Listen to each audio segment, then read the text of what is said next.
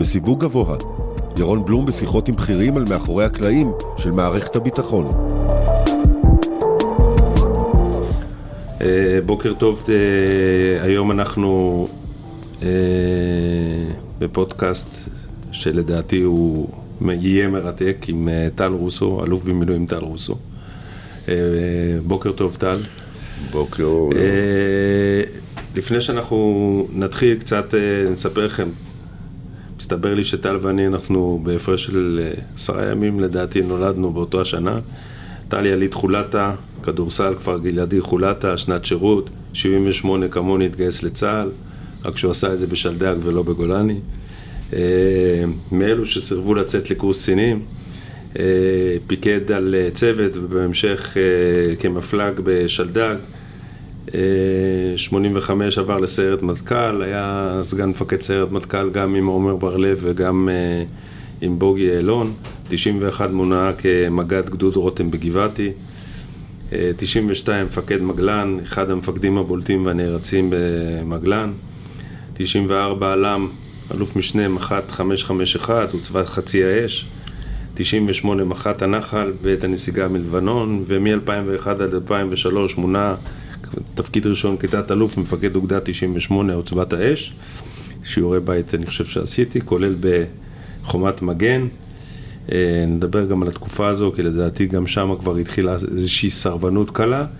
2003-2005 אה, מפקד אה, עוצבת הפלדה, 162, שריון, מלחמת לבנון השנייה, עוזר ראש אמ"ץ, ובאוקטובר 2006 הוא עלה לדרגת אלוף והתמנה לראש אמ"ץ, כולל במהלך תקיפת הכור בסוריה, המשט לעזה של המרמרה, עופרת יצוקה, אה, באוקטובר 2010 אה, טל מונה כאלוף פיקוד דרום.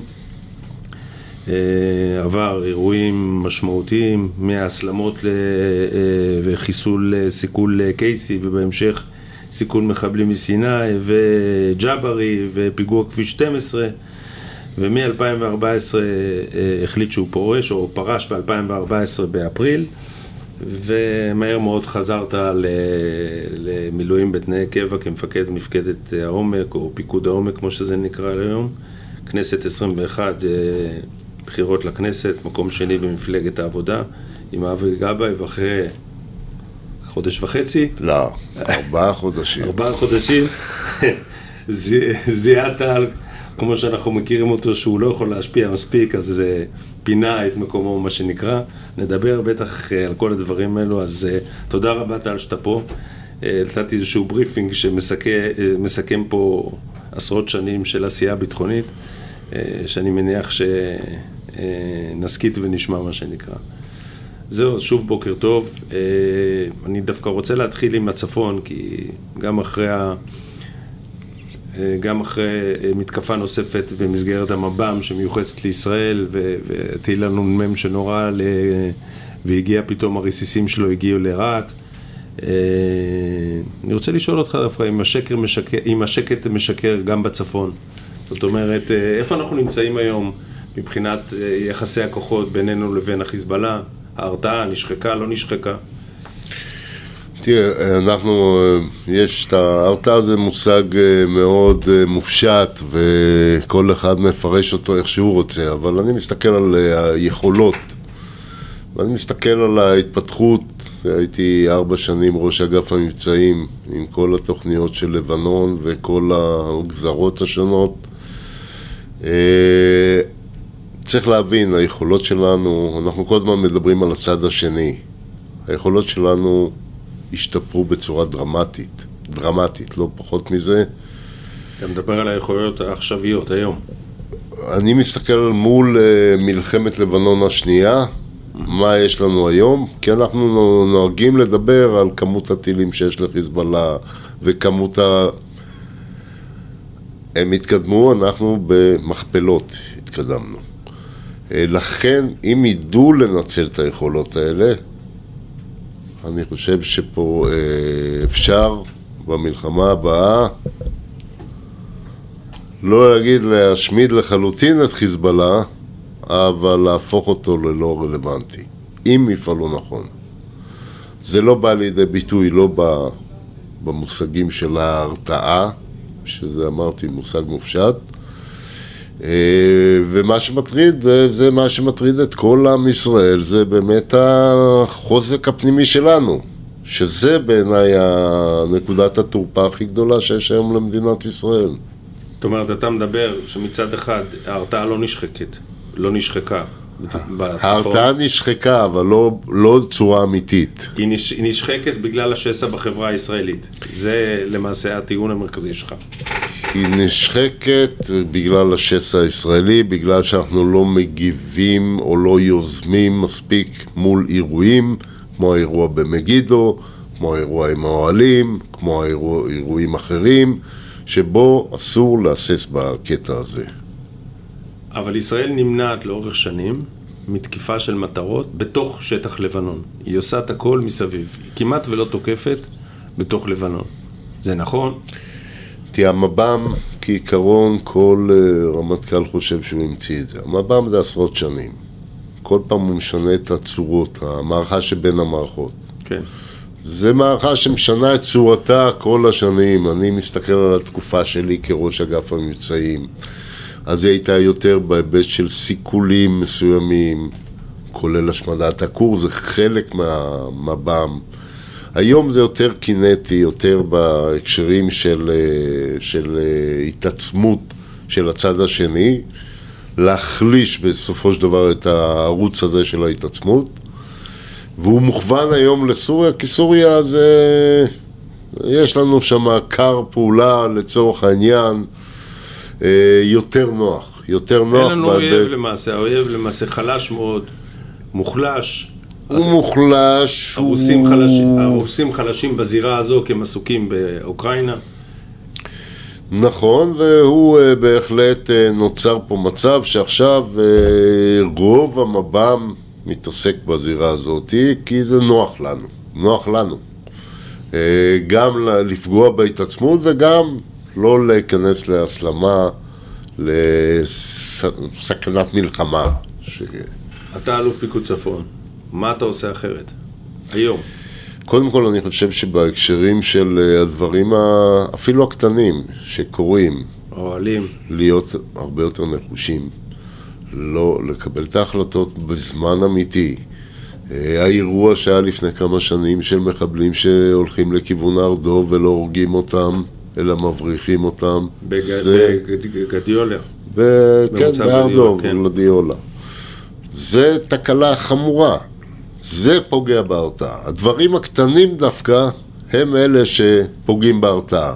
מגידו. כי לא בגלל האיחוד. מגידו שהיה יכול להיות פיגוע מטורף. שמחבל, מחבל אה, פלסטיני תחת, אה, תחת המעטפת ש... או בעידוד החיזבאללה, מגיע, הם מנסים להרחיק. עם יכולות חיזבאלליות בהיבט של מטענים. כולל מטען כלי מגור וכדומה, עובר, מגיע לצומת מגידו, לא נפרט עכשיו איך הוא הגיע, חוזר חזרה ומיורט על ידי כוחות הביטחון, על ידי שב"כ, ימ"מ, בפעילות אה, משותפת יחד עם, אה, עם אה, אמ"ן וכדומה, אבל למעשה אנחנו רואים פה מצב שלא, שלא הגבנו על זה כמעט. לא הגבנו, ואני חושב שזה טעות. אבל זה טעויות מצטברות. כל הדברים הקטנים האלה זה טעויות מצטברות. ששוחקות. ש... שפוגעות בהרתעה. טל, לגבי המצב הנוכחי שאיראן מנסה לייצר את הרב-זירתיות הזו, בואו ננסה קצת לצלול פנימה ול, ול, ו, ו, ולהבין, זה האם משפיע על תגובה מדודה והיא פגיעה בלבנון, האם זה, מה זה עושה לנו? כי אותי מה שכל הזמן מטריד ברב-זירתיות הזה שמדברים, שאיראן מנסה הרי לייצר פה מצב ש... תבנה, בנתה תשתית בלבנון, בונה, מנסה לבנות כבר הרבה מאוד שנים תשתית בסוריה, מנסה לבנות תשתית נוספת בעיראק עם אה, כוחות פרו-איראנים, ומנסה ליצור איזשהו רצף שגם חמאס בעזה תגיב במידה ואנחנו נבצע איזושהי פעולה שבעיניהם תיראה אה, פעולה משמעותית ובעייתית. איך אנחנו מתמודדים עם הרב זרעותיות הזה? איך מדינת ישראל וצה"ל צריכים להתמודד עם הסוגיה הזאת? יש פה כמה דברים. אחד, אתה מכיר את זה טוב מאוד. בסוף איראן, הדבר היחידי שמאחד את העולם הערבי זה ישראל. זה הדבר היחידי שמאחד אותם. ולכן, כן, ומה שאנחנו רואים באיראן, איראן בשבילה זה, זה אוצר ישראל. בזה שהיא מאחדת אותה בעצם שלא כנגדה. כי בסוף זה שיעה, זה עדה בסוף מצומצמת, והצליחה ליצור מצב שבאמת כל החיצים הם לכיוון ישראל. עכשיו, לא השתנה פה הרבה חוץ מהנושא של החיבור לפלסטינים.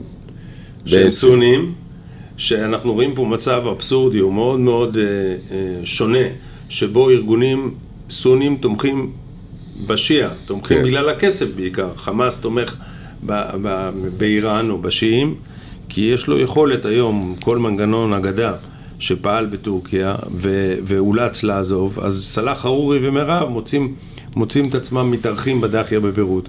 אני מניח שזה לא בגלל האהבה, כמו שאמרת, זה בגלל הדבק המקשר של, של כל, ה, של כל הערבים. ואנחנו, יש לנו הרבה כלים לגרום לסכסוכים הפנימיים ולייצר דברים, גם בלי נשק קינטי. אתה מדבר על התודעה וכדומה. כל מיני. יש לנו הרבה מאוד כלים שאנחנו חייבים את המנגנון הזה. הדבר השני זה הפלסטינים, שפה יש לנו בעיה מאוד גדולה בהקשר של מי, מה אנחנו עושים עם הפלסטינים לעשות. ואני רואה את ה...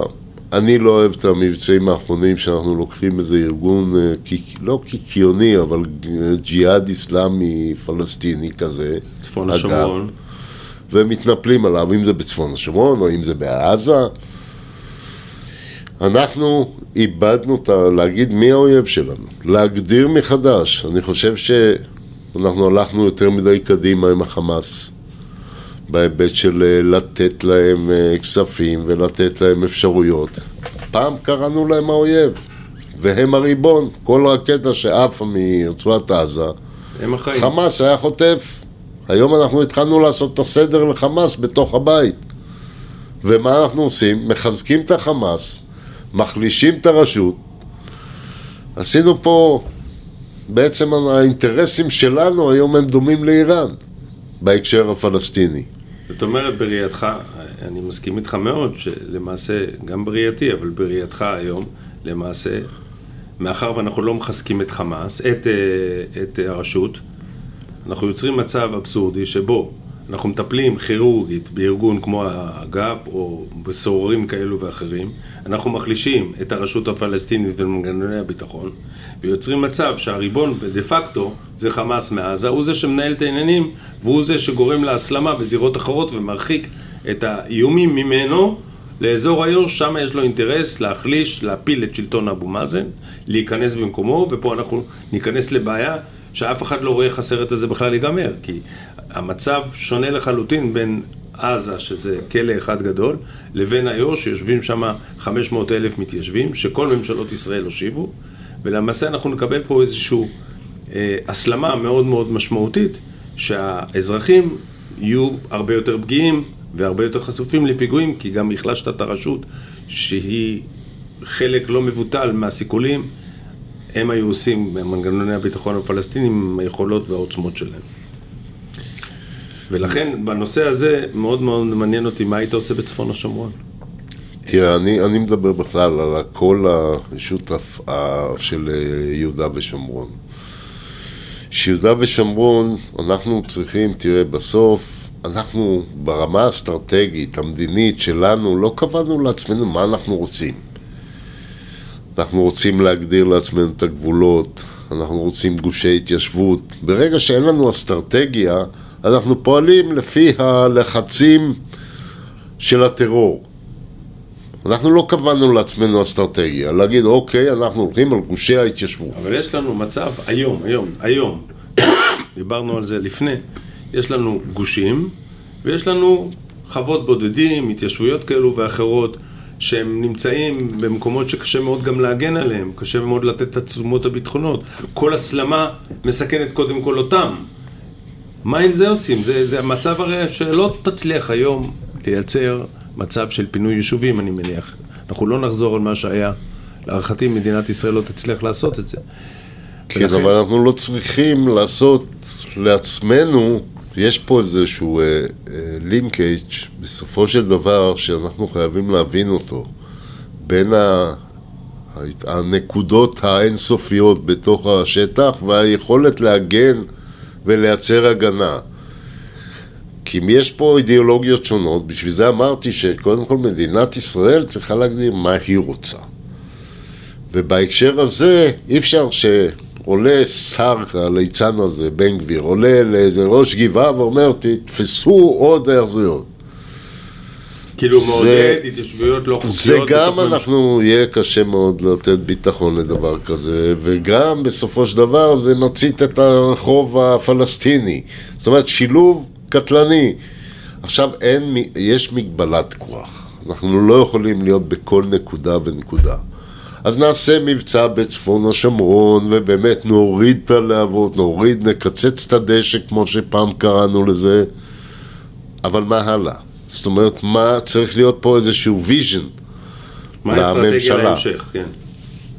השאלה שלי זה אה, בנושא הזה של, אה, של איו"ש, של אזור יהודה ושומרון, האם תחושתך, כתחושתי, שאנחנו מתאהבים בשקט בדרום, אפרופו מה שדיברנו קודם, מחזקים את חמאס, נמנעים מעימות, מחלישים את הרשות על חשבון חיזוק חמאס עזה, הם מתחמשים, מתחמשים מתעצמים, ומעבירים את הזירה הזו לאיו"ש.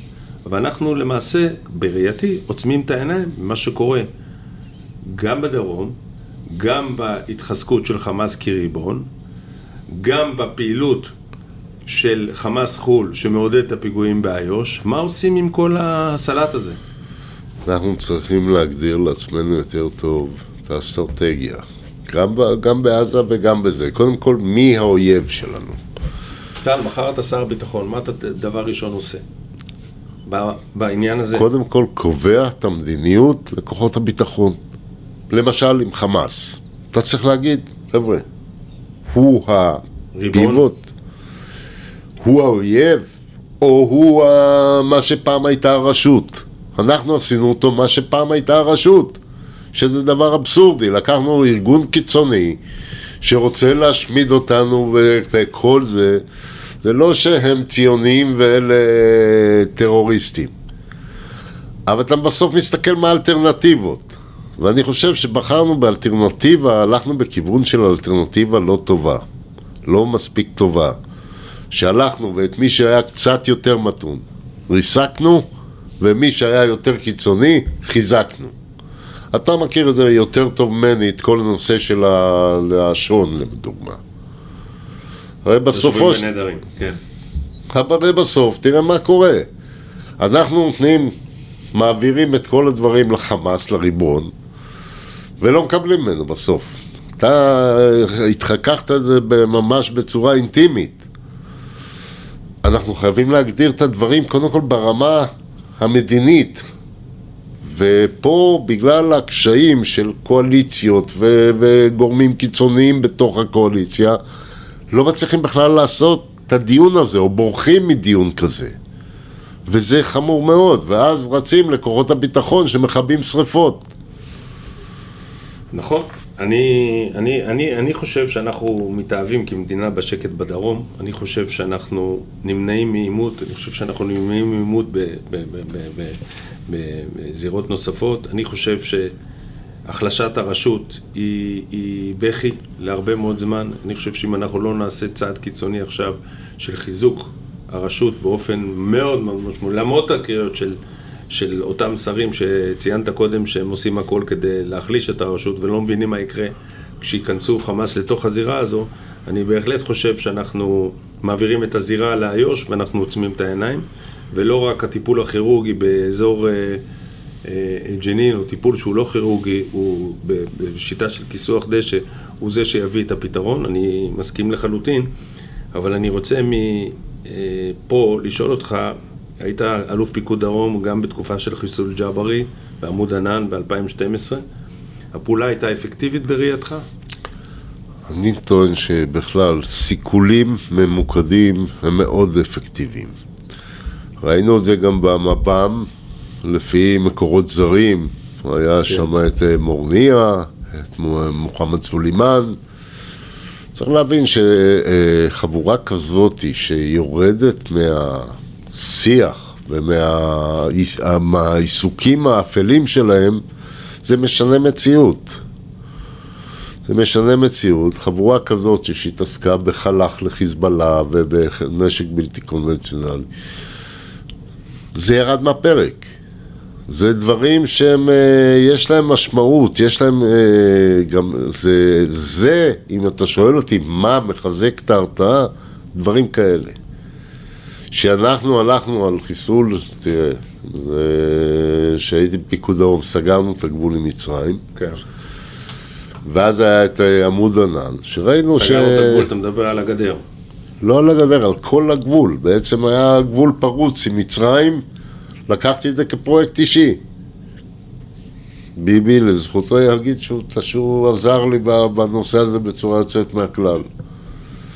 אבל כשהלכנו לעמוד ענן, לסיכולו של ג'ברי, אמרנו שבעופרת יצוקה הלכנו על הקטנים. ראינו שהמנהיגים, הם לא אוהבים להיות שהידים. הם מעדיפים שהקטנים יהיו שהידים. ברור. ולכן הלכנו ל... לרמטכ"ל שהיה אז לצורך העניין. הלכנו למפקדים, הלכנו למערכים, על מנת באמת להחליש ולהרתיע. זה שילוב של גם החלשה וגם הרתעה. ברגע שמנהיג מאוים, כל שיקול הדעת שלו הוא אחר, אין מה לעשות, ולכן זה חייב להיות. אני משוכנע שחזרה למדינות סיכולים של מחוללי טרור היא נכונה, גם בארץ, גם בחו"ל. אני חושב שאחד כמו סלאח ארורי צריך להיות היסטרי כל הזמן ולחשוב שעוד רגע מורידים אותו. זו הדרך היחידה לייצר את ההרתעה מול ארגונים פלסטינים. אין שום דרך אחרת בעיניי. ואני מאוד מאוד מסכים בעניין הזה. אני, אני, אני בהחלט חושב שגם אה, גם יחיא סינואר וגם מחמד דף וגם אחרים, הם חושבים שהם אה, מחוסנים, הם חושבים שהכל, אה, שהכל סבבה. ומבחינה, ומבחינתנו לא הכל סבבה, כי אם חלק מהארגון הזה מחולל טרור באיו"ש וגורם לאותו טרור להכוונה, מאיו"ש, מהכוונה מחו"ל ולהכוונה מעזה, ואנחנו לא עושים את כל מה שצריך, אני חושב שאנחנו מחלישים את ההרתעה מול חמאס. ולכן אנחנו צריכים לשנות משהו במדיניות הזו, אבל שוב אני חושב, טל, שאנחנו די לא רוצים לייצר עימותים.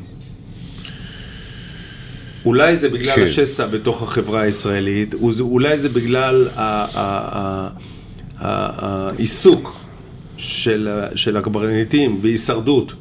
ופחות בלחשוב מה, מה עושים מחר ואיך מייצרים. אה, יש הרבה, יש הרבה סיבות, אבל, אבל, אבל זה לא מצב שהוא נכון. תראה, אתה יודע, אני לא רוצה כל, בכל מקום להכניס את המהפכה המשטרית. ככה אני קורא לה, זה לא פחות מזה. אני עשיתי את ההתנתקות בצפון השומרון. זה לא דומה לאירוע שאנחנו נמצאים בו היום. היום זה שינוי שיטת הממשל. זה, זה לא שהחלטת ממשלה כזאת או אחרת שכן מסכימים, והיה קשה שם ב, ב, בהתנתקות. אבל לשים את זה על כל הזמן, לשים את זה, כן, לנו היה בהתנתקות קשה. לשים את זה... אתה מדבר על ההתנתקות בצפון השומרון, קדים, גנים וכל היישובים האלו. ושנור וחומש, כן. היישובים האלו צריכים לחזור היום. אני, אני קיבלתי את זה כמשימה, היום ביטחונית, היום ביטחונית.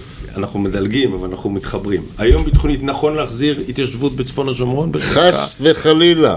זה לא מוסיף לביטחון, זה מקשה על הביטחון. להח, להחזיק את צנור שבשביל להגיע לשם אתה צריך לחצות את אה, ערימה של כפרים, זה, אתה צריך לשים שם כמה גדודים על הציר. זה לא נותן שום דבר, זה לא משפיע על ג'נין, זה שסנור נמצאת, זה רק גורם לך שאתה לא תוכל לפעול בג'נין. אנשים לא מבינים את זה, אנשים לא מבינים ביטחון שם. הם לא מסתכלים על ביטחון כאל אה, משהו. אם פעם היינו עושים את ההתיישבות על הגבולות של מדינת ישראל, ואני גדלתי ביישוב כזה, שזה היה מאוד נכון, זה הוסיף ביטחון. ההתיישבות שמה היא מורידה ביטחון, כי אין לה סדר, אין לה ארגון זה לא מסונכן עם הצרכים הביטחוניים, זה לא מסונכן עם שום דבר, זה הכל על אה, גישה אמונית שהיא חייבת, וזה הנושא, הנושא של החיבור של הקטע האמוני עם הרציונל. וזה אנשים לא מבינים. עכשיו, מה שקורה שמה, זה, בעיניי זה הולך להיות אסון, אבל אני חוזר עוד פעם לחוסן. בסוף כשאנחנו אומרים חוסן מדיני, חוסן זה, זה שילוב של המון דברים. והמהפכה הזאת ריסקה פה הרבה מאוד דברים. זאת אומרת, אני... מהחוסן הפנימי שלנו. שלנו, כחברה. שלנו. אני לא מקנא באנשים שבצבא היום.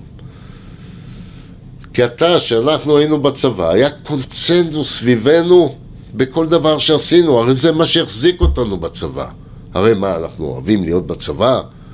מה שהחזיק אותנו זה הערכה והדחיפה והאמונה של כל הציבור הרחב שאתה מגן העם. היום הפכו את הגורמים האלה, הם נעים, תראה מה קרה למח"ט שבא למשפחה שכולה. כן, לביקור שבעה. מח"ט בנימין. ואני מצפה מהנהגה של ה... אני לא יודע מי זה הציונות הדתית. חלק יגידו שזה הדתיים, חלק יגידו שזה הקבוצת המשיחיסטים שנמצאת שם. אבל חבר'ה, אתם שחיים באיו"ש, אתם צריכים לצעוק את הצעקה.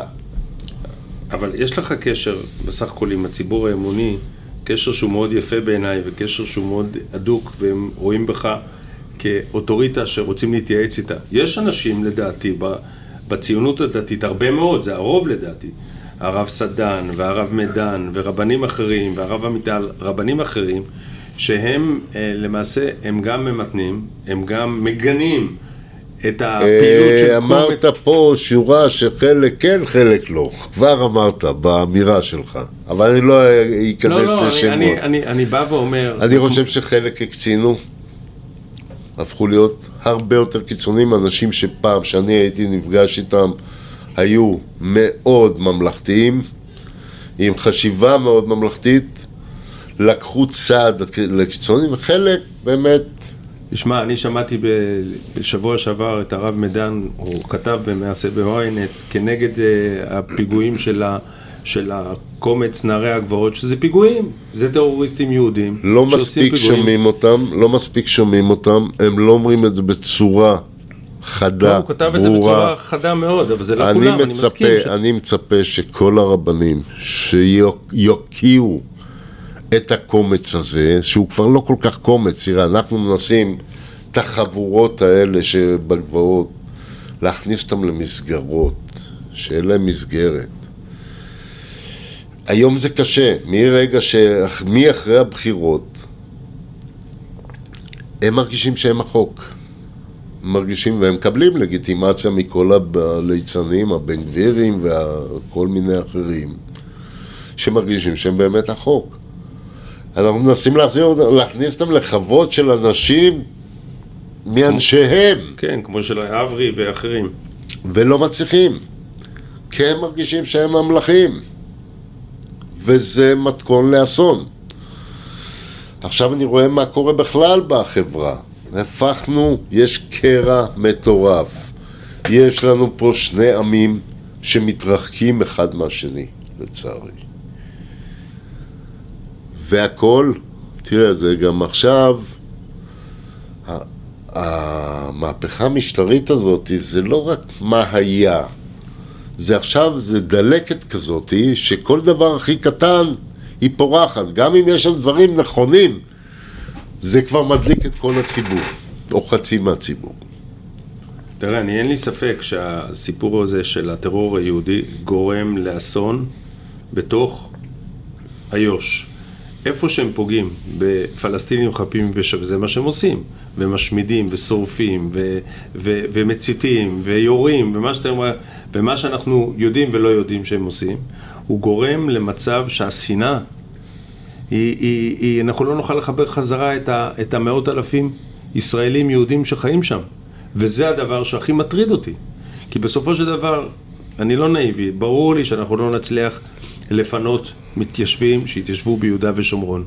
אבל אנחנו כן צריכים לייצר מצב של רוגע ושקט, ולכן הטיפול בימין הקיצוני הוא מחויב ומחייב.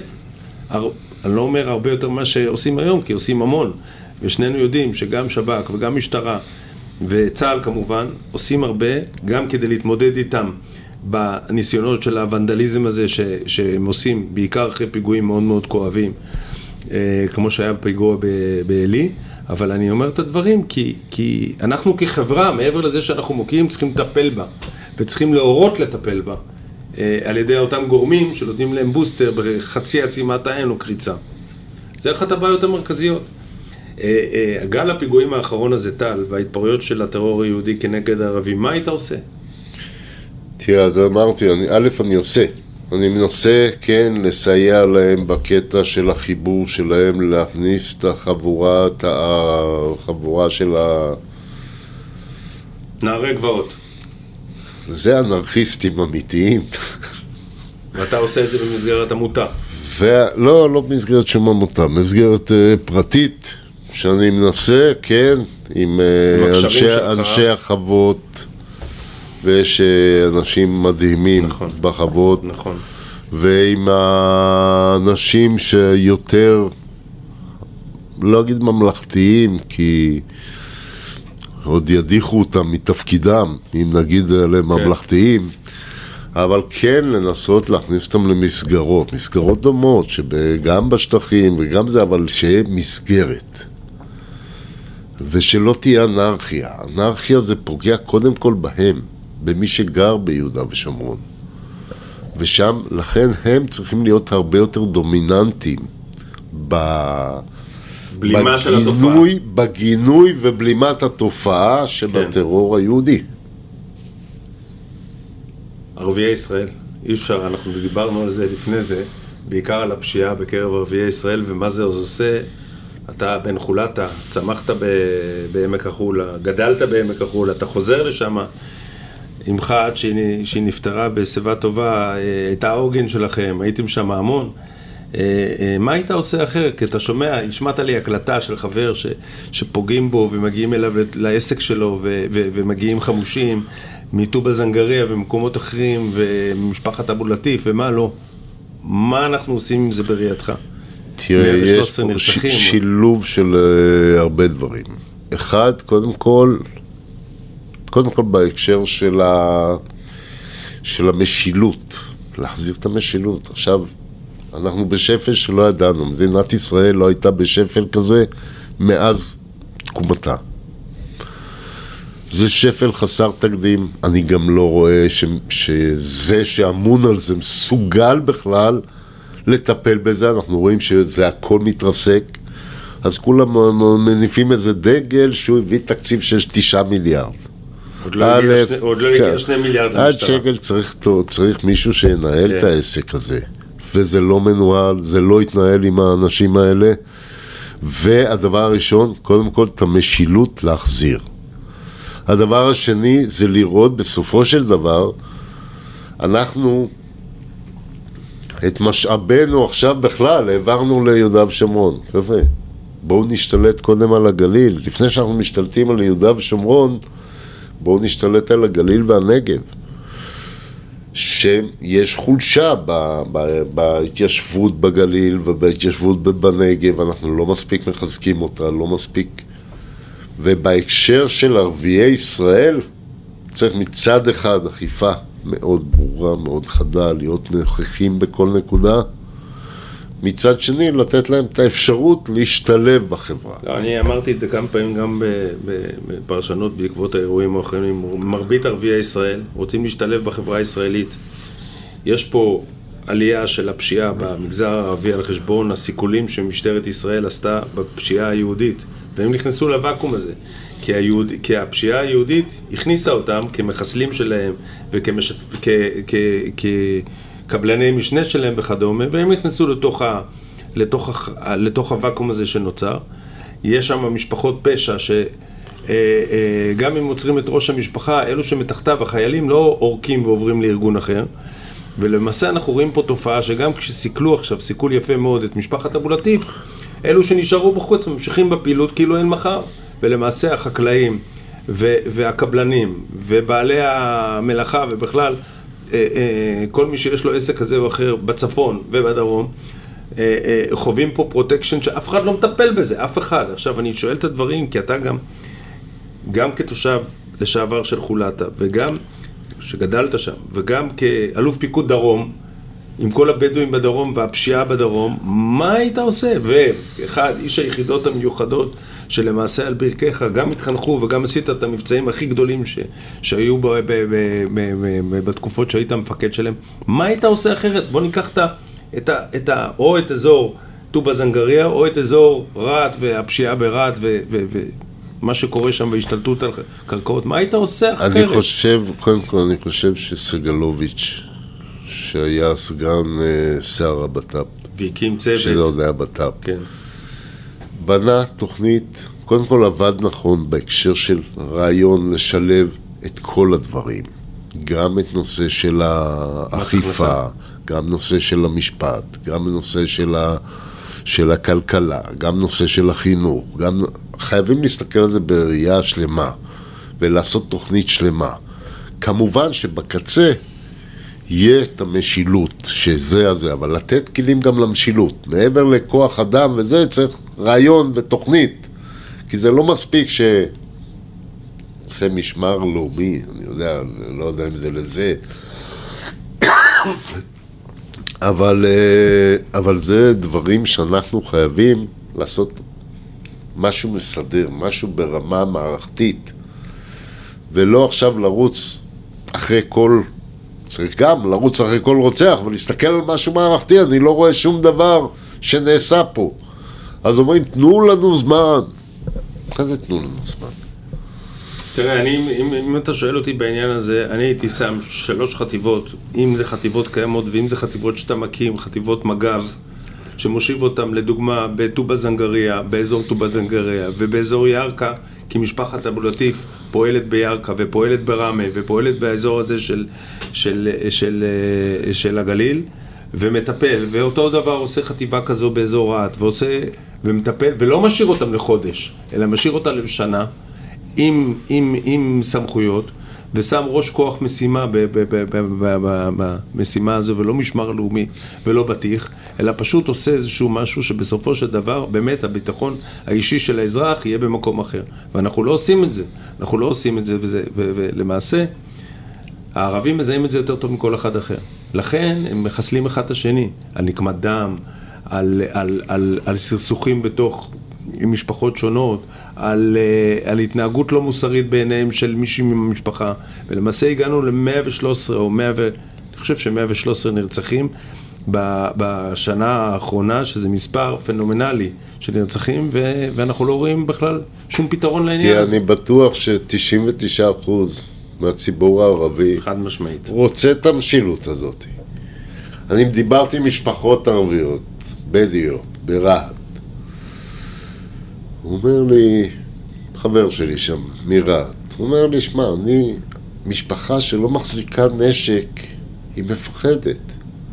היא מפחדת, היא לא תוכל להתגונן בפני ה... הפשע הערבי.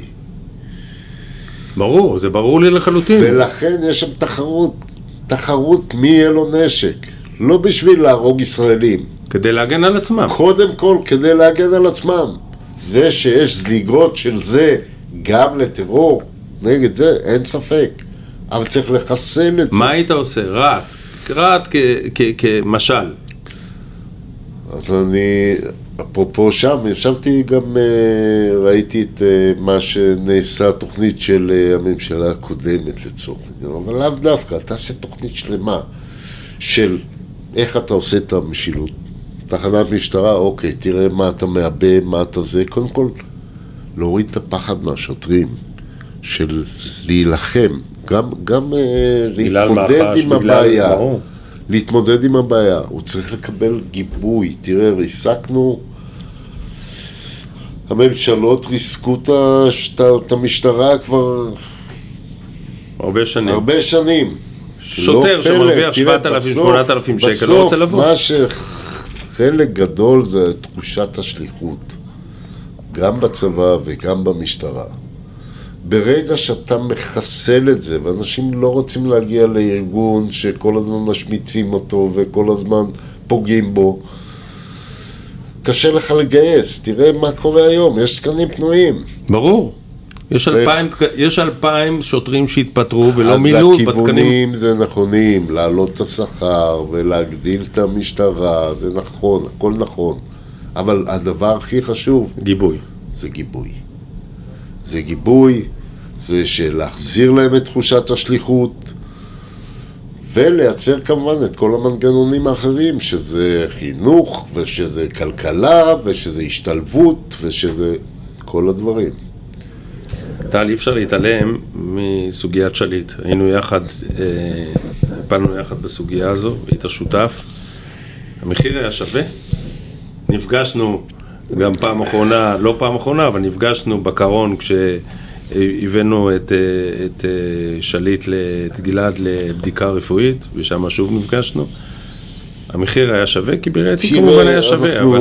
ב- ב- באירוע כזה נורא קשה לעשות את אה, עלות תועלת. אה, תראה, כמה, אתה זוכר כמה משאבים שמנו. מודיעיניים, מבצעים, שאנשים לא מכירים את זה אה, בכלל. שמנו למשל, אה, אני עשיתי חישוב כמה עלה רק החוזי. קרוב כדי לנסות לאתר את מיקומו של גלעד שליט. קרוב למיליארד שקל. וכמה פעמים חשבנו שאנחנו יודעים את המיקום, ומזל שלא עשינו מבצע. פעולה, מבצע, שזה לא היה המיקום. זה אירוע מורכב, זה אירוע מסובך, ולגבי המחיר, תשמע, אנחנו צריכים, אין דבר כזה בכל מחיר. בשום, דבר, בשום דבר אין דבר כזה בכל מחיר, אבל כן צריך לעשות את הכל, את כל המאמצים האמיתיים להחזיר אותו. ופה נקבע מחיר, תג מחיר מאוד גבוה. שהוא רפרנס, רפרנס לעסקה הבאה. הוא רפרנס לזה, למרות שאני אומר, בהחלטות מסוימות אתה יכול להוריד את הדבר ברור, הזה. ברור. כמובן ש... אה, חושב שעסקת שליט הייתה עסקה טובה, בהיעדר יכולת מבצעית נכון. ויכולת מודיעינית. אני חושב שאין מחיר לחייל חי ש- ש- שמשחררים אותו. אני חושב שגם בסוגיה הנוכחית של אה, אחרי חמש שנים כמתאם השבויים והנעדרים, תמיד אני חשבתי ככה ואני חושב היום גם כן צריכים לגמור עם זה. צריכים לשלם אה, מחיר שהוא סביר, מחיר שהוא הגיוני. אין עסקה בלי שחרור מחבלים. גם מחיר וגם להשתמש במקלות שיש לנו. אם זה הכלכלי, אם אם זה הבינלאומי, אם זה, זאת אומרת, את כל הכלים שבסופו של דבר יביאו להחזרה של, אה, של השבויים וה... ונעדרים. שלנו הנעדרים גם. טל, אי אפשר בלי לשאול אותך על הפוליטיקה. היית שם כמה חודשים, פרשת, אתה רואה את עצמך חוזר שוב? תראה, לא היה לי רע בפוליטיקה. בוא נגיד, אני גם הסתדרתי מצוין עם אה, אבי גבאי. אני חושב שגם היינו צריכים להיכנס לממשלה, אני חושב שהכל היה נראה אחרת אם היינו נכנסים. אנחנו קבענו לעצמנו שלפחות נביא עוד חבר שיהיה 50% במפלגת העבודה בשביל להיכנס. הם קיבלו, החבר'ה שם, הח"כים קיבלו רגליים קרות. אני חושב שיכול להיות שאני אכנס, אבל אני אחפש פלטפורמה שמתאימה. אני הלכתי לעבודה בגלל שני עקרונות מאוד משמעותיים, שזה ביטחון והתיישבות. אה, לצערי, מפלגת העבודה היום אין לה לא מזה ולא מזה, ואין לה שום ייחודיות. ואני רציתי לקחת את הדברים האלה. ראיתי שזה לא אפשרי, אז יצאתי. זה לא אומר שאני, אם אני אחשוב שאני מסוגל להשפיע על מנת שמדינת ישראל תהיה יותר טובה במונחים שלי, אז אני אהיה שם. אפשר להשפיע מהכנסת כחבר כנסת, ללא... באופוזיציה קשה מאוד להשפיע. זאת אומרת, למרות שהיית בוועדת... זה מתסכל, להיות uh, גם כל עכשיו, אז אתה מבין גם שאתה באופוזיציה, אתה מבין גם מה חשיבות העוצמה הזאת של, ה, של הבלנס הזה, של, ה, של הרגל ה, השופטת. הרשות השופטת. הרשות השופטת. כי זה כלום. אין רשות מחוקקת ורשות מבצעת, זה הכל היינו הך. כשאתה באופוזיציה, אתה לא משפיע, עושים מה שרוצים, וזה מסוכן. למדינה שתלך הרשות השופטת, או לא תהיה עצמאית, הלכה המדינה. לשם אני אנסה לעשות הכל שלא נגיע. אני מאוד uh, רוצה לראות אותך בפוליטיקה, אני חושב שהרבה רוצים לראות אותך, אני חושב שאתה... מחפשים אנשים כמוך שהם גם ביצועיסטים, בעיקר ישרים, uh, יש להם אג'נדה ויכולים להוביל. ואין לנו, לצערי אנחנו סובלים ממעט מאוד אנשים כאלו, אני מסכים איתך לגבי האופוזיציה. אני מקווה שנראה אותך בזמן הקרוב ב, ב, ב, בקואליציה. אני מקווה שהמבנה הנוכחי ישתנה ואנחנו נהיה במקום יותר טוב. תודה רבה על הנכונות, מוכנות וה, והשיחה המרתקת. תודה טל. תודה רבה ובהצלחה לכולנו. אמן, נכון. בסיווג גבוה, ירון בלום בשיחות עם בכירים על מאחורי הקלעים של מערכת הביטחון.